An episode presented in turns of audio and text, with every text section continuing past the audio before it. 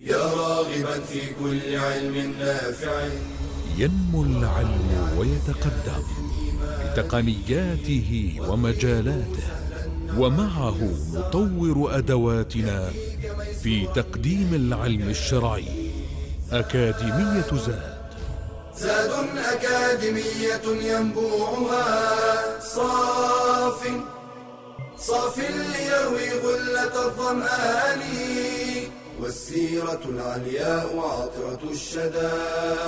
طيب يفوح لأهل كل زمان. بشرى لنا زاد أكاديمية للعلم كالأزهار في البستان. إن الحمد لله نحمده ونستعينه ونستغفره ونستهديه ونعوذ بالله من شرور أنفسنا وسيئات أعمالنا. من يهده الله فلا مضل له ومن يضلل فلا هادي له. وأشهد أن لا إله إلا الله وحده لا شريك له وأشهد أن نبينا محمدا عبده ورسوله صلى الله عليه وعلى آله وأصحابه وإخوانه. ومن دعا بدعوته واستنى بسنته واهتدى بهديه إلى يوم الدين. وبعد حياكم الله أيها الإخوة والأخوات طلاب وطالبات العلم في برنامج أكاديمية زاد هذا البرنامج العلمي المبارك وفي دورته الثانية وفي هذا المستوى الثالث من دراسة السيرة النبوية على صاحبها أفضل الصلاة وأتم التسليم. في هذا المستوى الثالث كما تحدثنا في اللقاءات السابقة نتحدث عن تعاملات النبي صلى الله عليه وسلم مع شرائح مختلفة ونوعيات متعددة من المجتمع الذي يعيش معه النبي صلى الله عليه وسلم أو يتعامل معه النبي صلى الله عليه وآله وسلم. ابتدأنا في ذلك بتعامله مع أقرب الناس إليه أهل بيته زوجاته أبنائه بناته أحفاده جيرانه أصحابه آه الأغنياء الفقراء أصحاب العاهات والأمراض كيف كان يتعامل مع غير المسلمين. اليوم آه وفي هذا اللقاء سنتحدث عن تعامل النبي صلى الله عليه وسلم مع فئة هامة آه جدا وهو تعامله صلى الله عليه وسلم مع المسلمين الجدد. المسلمين الجدد وهم الذين يدخلون في دين الله افواجا.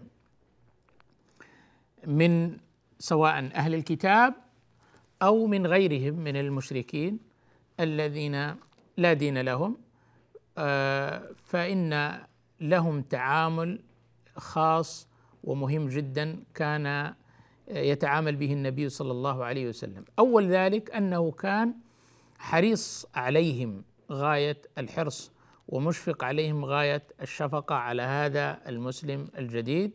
حريص على هدايته حريص على إسلامه حريص على ثبات الإيمان والإسلام في قلبه. ولذلك التعبير القرآني عن حال النبي صلى الله عليه وسلم تجاه شفقته وحرصه على هؤلاء ما عبر عنه المولى سبحانه وتعالى في كتابه الكريم بقوله معاتبا نبيه صلى الله عليه وسلم لعلك باخع نفسك ألا يكونوا مؤمنين. وفي سورة الكهف فلعلك باخع نفسك على آثارهم إن لم يؤمنوا بهذا الحديث أسفا. يعني لعلك مهلك نفسك قاتل نفسك. يعني كان النبي صلى الله عليه وسلم حريص على إسلامهم حريص على إيمانهم حريص على دخولهم للإسلام حريص أيضا على ثباتهم على هذا الدين بعد أن دخلوا إليه فلا يرتد منهم أحد عن دينه. ولذلك نماذج كثيرة من فرحه صلى الله عليه وسلم بإسلام من أسلم منهم. من ذلك القصة التي أشرنا إليها في اللقاء السابق قصة الفتى اليهودي الذي أسلم الذي كان يخدم النبي صلى الله عليه وسلم فمرض. فعاده النبي عليه الصلاة والسلام فجلس عند رأسه وقال له أسلم قل لا إله إلا الله وأن محمد رسول الله. فالتفت الفتى إلى أبيه فقال له أطع أبا القاسم صلى الله عليه وآله وسلم فقال الغلام أشهد أن لا إله إلا الله وأن محمد رسول الله. ثم مات لفظ أنفاسه. فخرج النبي صلى الله عليه وسلم فرحا غاية الفرح حامدا لربه شاكرا الحمد لله الذي أنقذه بي من النار. هذا الفتى اليهودي لم يقدم للإسلام شيئا. حتى يفرح النبي صلى الله عليه وسلم بإسلامه كما فرح بإسلام عمر وحمزة وكبار الصحابة رضي الله عنهم. هذا الفتى اليهودي لم يقدم شيئا للإسلام ولفظ أنفاسه بعد أن تشهد لله بالوحدانية ولنبيه بالرسالة لكنه القلب الرؤوف الرحيم الشفيق على الناس على دعوتهم على هدايتهم على استنقاذهم من النار. وهذا الذي ينبغي أن يكون عليه أتباع محمد صلى الله عليه وآله وسلم. يحرصون على هداية الخلق ويرحمون الخلق. فهم أحسن الناس خلقا وهم أيضا أرحم الناس وأرأف الناس وأعدل الناس خلقا. نحرص على هداية هؤلاء الناس. نحرص على استنقاذهم من النار. كونه يشهد أن لا إله إلا الله وأن محمد رسول الله هذه نعمة كبيرة. كونه يدخل في الإسلام يعني أن الله بهذه الشهادتين ينقذه الله تعالى بإذن الله عز وجل من النار أو من الخلود آه، فيها. فكان النبي صلى الله عليه وسلم يظهر فرحه وسروره بإسلام من أسلم منهم من ذلك فرحه بإسلام عكرمة ابن أبي جهل أبوه عمرو بن هشام أبو جهل الذي حارب الإسلام في كثير من المواطن. عكرمة لم يسلم إلا بعد فتح مكة بعد الفتح بعد فترات طويلة من حرب النبي صلى الله عليه وسلم والوقوف ضد دعوته عليه الصلاة والسلام. ومع ذلك الله سبحانه وتعالى يعني يهدي من يشاء القلوب بيد الله سبحانه وتعالى. هذا الإنسان اللي كان في يوم من الأيام كاره للإسلام مبغض للإسلام يحارب الإسلام يعادي الإسلام أبغض الوجوه إليه وجه النبي صلى الله عليه وسلم أبغض الأديان والمناهج والديانات إليه دين الإسلام. ومع ذلك يشرح الله قلبه ويهديه للإسلام. أفمن شرح الله صدره للإسلام فهو على نور من ربه.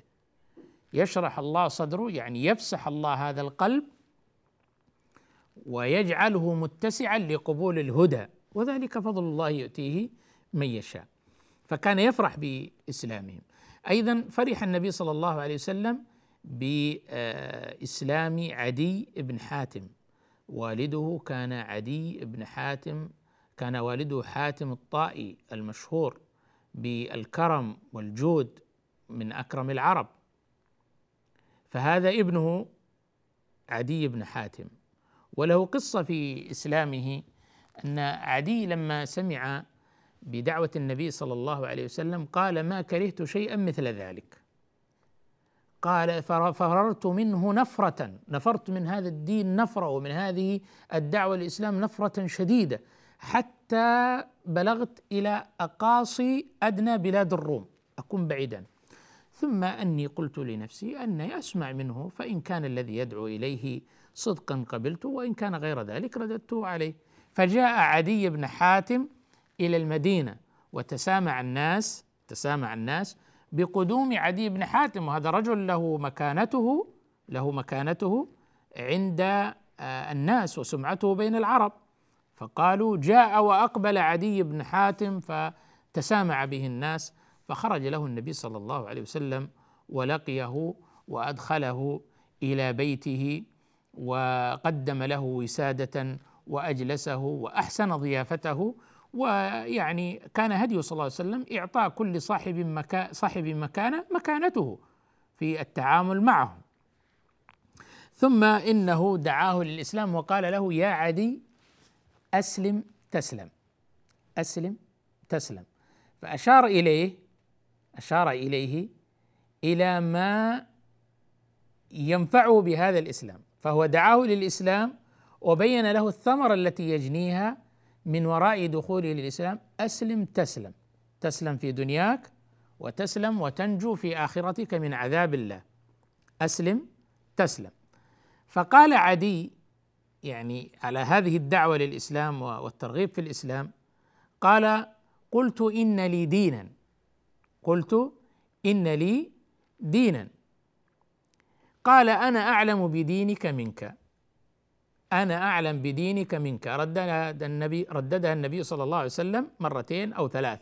أنا أعلم بدينك منك. وهذه فيها جانب مهم ومؤثر فيما يتعلق بدعوة غير المسلمين أن يكون لدى الإنسان تصور واضح عن الدين الذي يريد أن يدعو إليه وهو الإسلام ويكون له أيضا تصور واضح عن الديانة التي يدين بها الطرف الآخر. هل هو يهودي؟ هل هو نصراني؟ هل هو هندوسي؟ هل هو وثني؟ هل هو لا ديني؟ هل هو ملحد؟ فمعرفة طبيعة ديانه وعقيدة الطرف الآخر يساعد في آه، دعوته والدخول عليه من آه، اماكن ومناطق التأثير في دعوته. فهو يريد أن يعتذر عن قبول الدخول في الإسلام فقال ان لي دينا. فقال النبي صلى الله عليه وسلم أنا أعلم بدينك منك. طيب كيف النبي صلى الله عليه وسلم هو أعلم بدينه من؟ فاصل ونواصل. بشرى لنا زاد أكاديمية للعلم كالأزهار في البستان.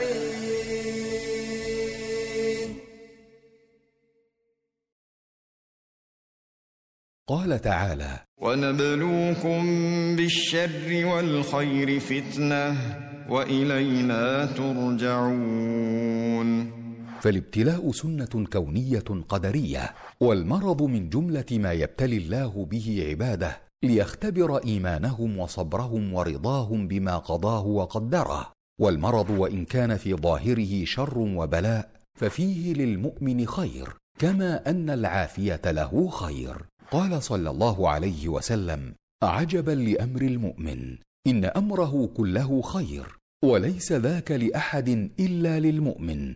إن أصابته سراء شكر فكان خيرا له وإن أصابته ضراء صبر فكان خيرا له. وفي طيات المرض من الخير أمور منها التعبد لله تعالى بعبودية الصبر إيقاظ العبد من حال الغفلة والبعد عن الله. الزهد في الدنيا والطمع في رحمة الله وجنته. تذكر عظيم نعم الله على العبد ومنها نعمة العافية. الإقبال على التوبة والندم على ما سبق من المعاصي. تكفير الذنوب والسيئات. قال صلى الله عليه وسلم ما يصيب المسلم من نصب ولا وصب ولا هم ولا حزن ولا أذى ولا غم حتى الشوكة يشاكها. إلا كفر الله بها من خطاياه.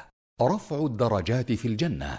قال صلى الله عليه وسلم إن العبد إذا سبقت له من الله منزلة لم يبلغها بعمله ابتلاه الله في جسده أو في ماله أو في ولده ثم صبره على ذلك حتى يبلغه المنزلة التي سبقت له من الله تعالى. وحتى يدرك المريض الأجر وينتفع بما في طيات مرضه من الخير فعليه ملازمة الصبر واحتساب الأجر والثواب من الله تعالى وحمده على ما قضاه وقدره.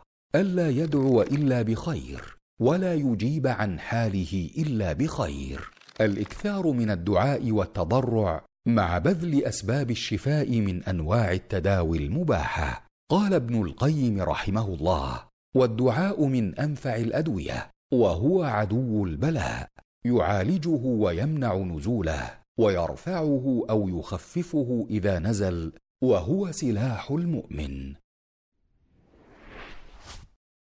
بشرى لنا زاد أكاديمية للعلم كالأزهار في البستان.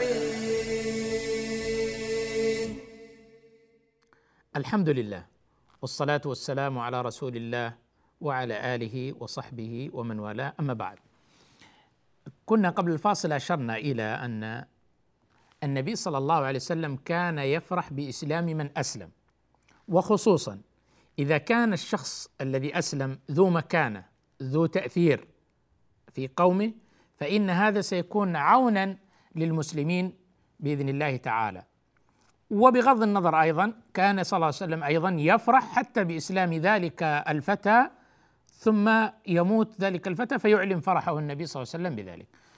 النبي صلى الله عليه وسلم فرح بإسلام عدي والتقى به لما قدم إلى المدينة وذكر وقال له أسلم تسلم. تسلم في دنياك وتسلم في آخرتك.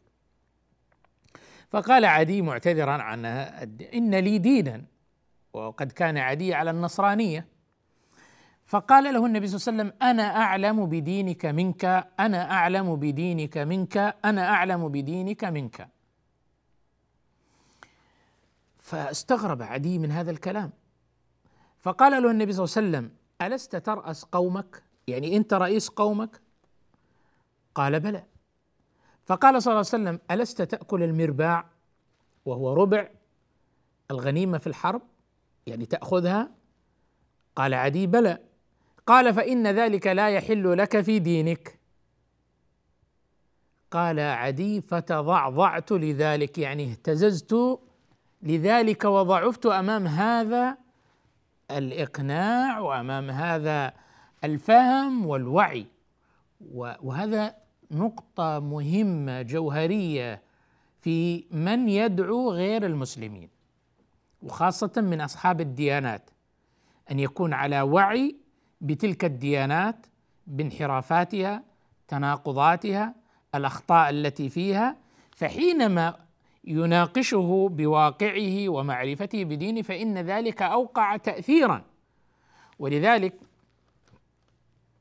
كثير من العلماء الذين اشتغلوا بمناظرة غير المسلمين من اليهود والنصارى وأصحاب الكتاب واشتغلوا بمناظرتهم كان من عوامل نجاحهم وقوتهم استيعابهم الجيد للإسلام بشكل علمي بالدليل والبرهان العقلي والنقلي وكذلك استيعابهم الجيد لطبيعة الأديان التي يناقشون أصحابها ويدعونهم إلى الهداية.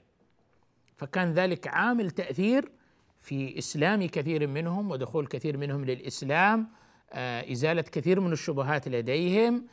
أقل شيء هز القناعات المنحرفة التي لديهم. أن نجعلهم يفكرون في هذه القناعات وفي هذه الأفكار المنحرفة التي يحملونها أن يعيدوا النظر فيها. قال فتضعضعت لذلك. ثم قال النبي صلى الله عليه وسلم يا عدي بن حاتم أسلم تسلم. مرة أخرى يدعوه للإسلام. ويبين له ثمرة هذا الإسلام وما الذي يجنيه من السلامه في الدنيا وسلامة في الآخرة. أسلم تسلم فإني أظن أنه ما يمنعك أن تسلم إلا خصاصة تراها من حولي.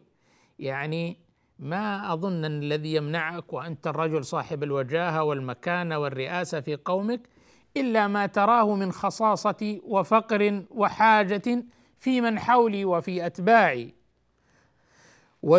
وقال له أيضا وتوشك الضعينه وهي المرأة التي على البعير في الهودج وتوشك الضعينة أن ترحل من الحيرة بغير جوار حتى تطوف بالبيت. تخرج من الحيرة من العراق من بلاد العراق إلى أن تصل إلى مكة بغير جوار أحد يجيرها مثلا.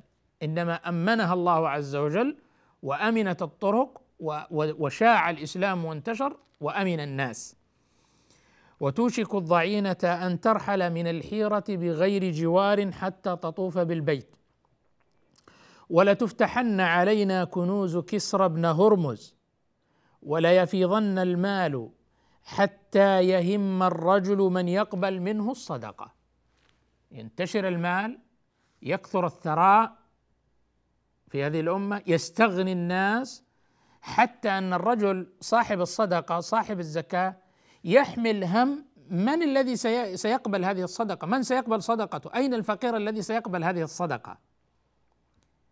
فلا تغرنك حالة الفاقة والفقر والحاجة عند هؤلاء الذين يتبعوني ولا يغرنك حالة الخوف والهلع وعدم الأمان التي يعيشها كثير من الناس فستخرج هذه المرأة الضعينة الضعيفة لوحدها. تأم البيت لا تخشى إلا الله. والكنوز كسرى ستفتح. ابن هرمز. قال عدي بن حاتم فقد رأيت الضعينة ترحل من الحيرة من غير جوار حتى تطوف بالبيت. تحققت الأولى. وكنت في أول خيل أغارت على المدائن على كنوز كسرى. ابن هرمز. يعني شارك في الفتح الإسلامي لبلاد فارس.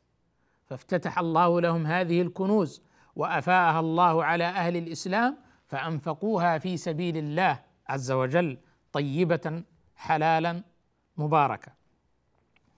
قال وأحلف بالله لتجيئن الثالثة إنه لقول رسول الله صلى الله عليه وآله وسلم. يعني يحدث بهذا عدي ويقول ويحلف أن الثالثة ستاتي تحققت اثنتان من الثلاث التي حدثه عنها النبي صلى الله عليه وآله وسلم وحلف على أن الثالثة لا تتحقق لماذا؟ لأن الرسول صلى الله عليه وسلم هو الذي أخبر بها ففيها الفرح بإسلام المسلم الجديد وفيها أيضا فوائد تتعلق بدعوة المسلم الجديد وإزالة كثير من الشبهات التي تعلق في ذهنه. مهم جدا يكون الإنسان لديه اطلاع على ديانة الشخص الذي يدعوه من غير المسلمين ما لديهم من الشبهات تجاه الإسلام. والله يعني قد يكون من العوائق التي تعيق كثير من الناس عن الإسلام حالة المسلمين والضعف التي يعيشونها. وهذا مثل الذي ذكر آه، النبي صلى الله عليه وسلم لعلك ما يمنعك إلا ما ترى حولي من الخصاصة هي الفقر والحاجة.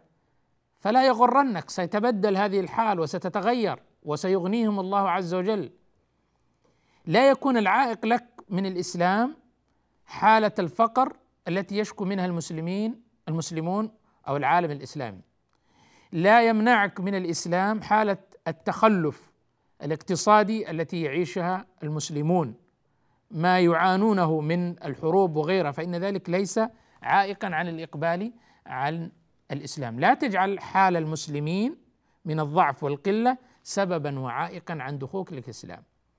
اذا هذا النقاش وهذا الحوار وإزالة العقبات والعوائق والشبهات أمام هذا المسلم الجديد أدعى لثباته على الدين ورسوخ الإيمان في قلبه. فاصل ونواصل. بشرى لنا زاد أكاديمية للعلم كالأزهار في البستان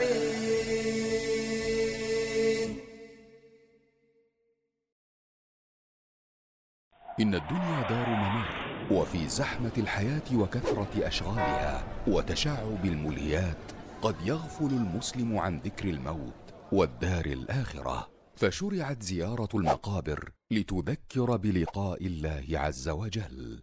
قال النبي صلى الله عليه وسلم كنت نهيتكم عن زيارة القبور فزوروها فإنها تذكر الآخرة. ويحرم على المرأة قصد زيارة القبور لنهي النبي صلى الله عليه وسلم لها عن ذلك. لكن لا حرج عليها أن تسلم على القبور إذا مرت بها دون قصد الزيارة. ومن أتى المقابر دعا بالدعاء المأثور. السلام عليكم أهل الديار من المؤمنين والمسلمين وإنا إن شاء الله للاحقون. أسأل الله لنا ولكم العافية. ويشرع الدعاء للموتى مستقبلا القبلة للقبور ولا يقرأ للموتى الفاتحة ولا غيرها من القرآن فإن هذا لم يرد عن النبي صلى الله عليه وسلم ولا عن السلف الصالح. وليتجنب الزائر البدع والمخالفات. كلطم الخدود وشق الجيوب. قال النبي صلى الله عليه وسلم ليس منا من لطم الخدود وشق الجيوب ودعا بدعوى الجاهلية. ويحرم التمسح بالأضرحة والتبرك بها أو الطواف حولها تقربا إلى الله. لكون ذلك من البدع والوسائل المفضية إلى الشرك فإن طاف بالقبر ليتقرب إلى الميت فهو شرك أكبر.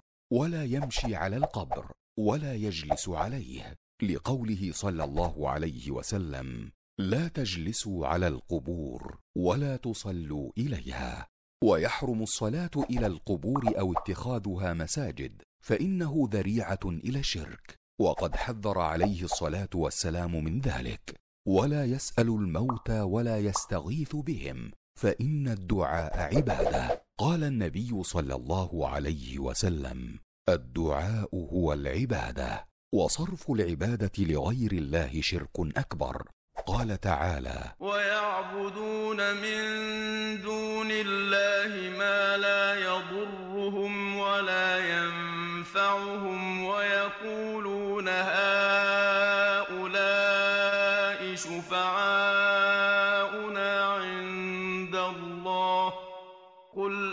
قل أتنبئون الله بما لا يعلم في السماوات ولا في الأرض. سبحانه وتعالى عما يشركون. بشرى لنا زاد أكاديمية للعلم كالأزهار في البستان. الحمد لله كان من هدي النبي صلى الله عليه وسلم في تعامله مع المسلم الجديد الفرح بإسلامه وإظهار هذا الفرح كذلك إزالة الشبهات التي تعلق في ذهنه أو ربما تسبب نوع من الاهتزازات في قناعته تجاه الإسلام كما حصل مع عدي بن حاتم. أيضا كان من هديه صلى الله عليه وسلم في التعامل مع المسلم الجديد تعليمهم أحكام الشريعة وهذا مهم جدا. الآن المسلم هذا الإنسان دخل حياة جديدة يحتاج أن يتعلم الدين الحق يحتاج أن نبين له ما يجب عليه وما لا يجب ما يحل وما يحرم. ونقدم في ذلك الأولويات. يعني من الصعب بمكان أن تعلم من يدخل الإسلام كل الإسلام. ولكنك تأخذه شيئا فشيئا وتبين له الأولى فالأولى. ومن ذلك ما روي عن أبي مالك الأشجعي عن أبيه قال كان الرجل إذا أسلم علمه النبي صلى الله عليه وسلم الصلاة ثم أمره أن يدعو بهؤلاء الكلمات اللهم اغفر لي وارحمني واهدني وعافني وارزقني. رواه مسلم. إذن بعد أن يدعوه لشهاده أن لا إله إلا الله وأن محمد رسول الله إقرار بالتوحيد هذا أول ما يدخل له الإسلام يعلم معنى لا إله إلا الله لا معبود بحق إلا الله لا يستحق العبادة إلا الله لا يصرف شيء من العبادة إلا لله عز وجل فليس ثم إله حق إلا الله سبحانه وتعالى. ويشهد أن محمد رسول الله صلى الله عليه وآله وسلم. بعد ذلك يأمره بالصلاة. الصلاة تحت هي عمود الدين. أول ما يبدأ به بعد الشهادتين تعليمهم الصلاة وما تحتاجه من طهارة وشروط واجبات أركان يعلم الصلاة تبين له الصلاة تشرح له الصلاة شروطها ثم يؤمر بالصلاة. إذن هذا الأمر الثاني. اذا يراعى الأولى فالأولى التدرج في تعليمهم أمور الدين كما فعل النبي صلى الله عليه وسلم. ثم يامره بهذه الكلمات أن يرددها وأن يقولها وأن يدعو بها.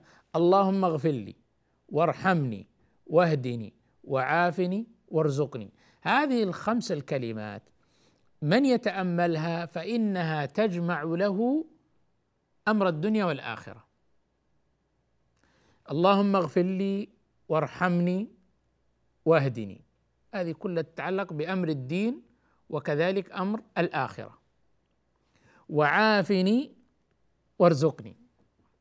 أمر دنيا. إذا لا إذا في تعليمه تعليم ما ينفعه ومنها بهذه الدعوات المختصرة التي تجمع له خير الدنيا وخير الآخرة. فإنها تجمع لك دنياك وآخرتك. هذه الكلمات.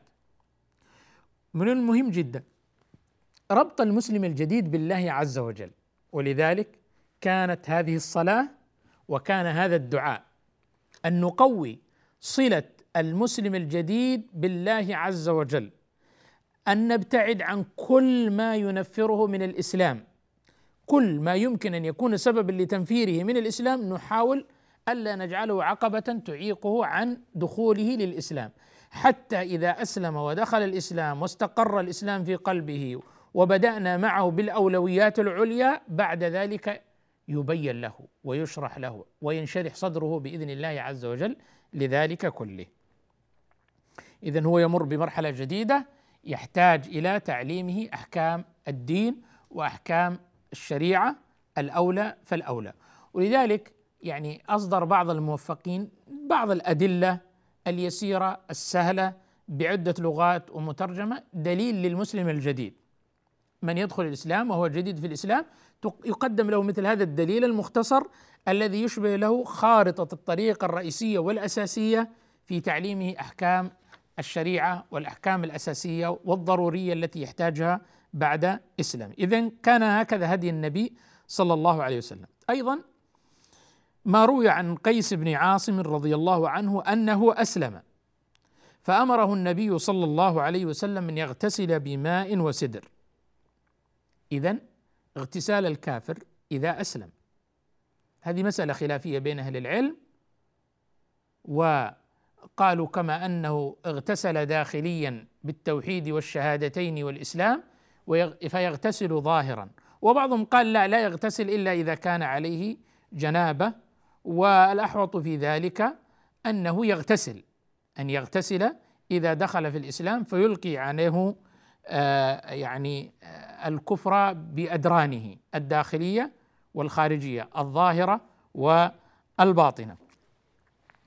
وعن أبي هريرة رضي الله عنه أن ثمامة بن أثال رضي الله عنه أسلم فقال رسول الله صلى الله عليه وسلم اذهبوا به إلى حائط بني فلان بستان محاط له جدر فمروه فمروه أن يغتسل. أمر. والأمر هنا للوجوب في الأصل. وكونه لم ينقل عن كثير ممن أسلم أنه لم يؤمر بالاغتسال فالأمر هنا للوجوب. وليس عدم العلم بأمر آخرين بالاغتسال دليل على العدم. لا. كونك ما تعلم لم يبلغك هذا ليس دليلا على العدم. فهذا اللفظ لفظ بالأمر والأمر يقتضي الوجوب وكونه نقل عن بعض الصحابة لا يمنع أن يكون قد أمر به غيرهم وإن لم يبلغنا ذلك.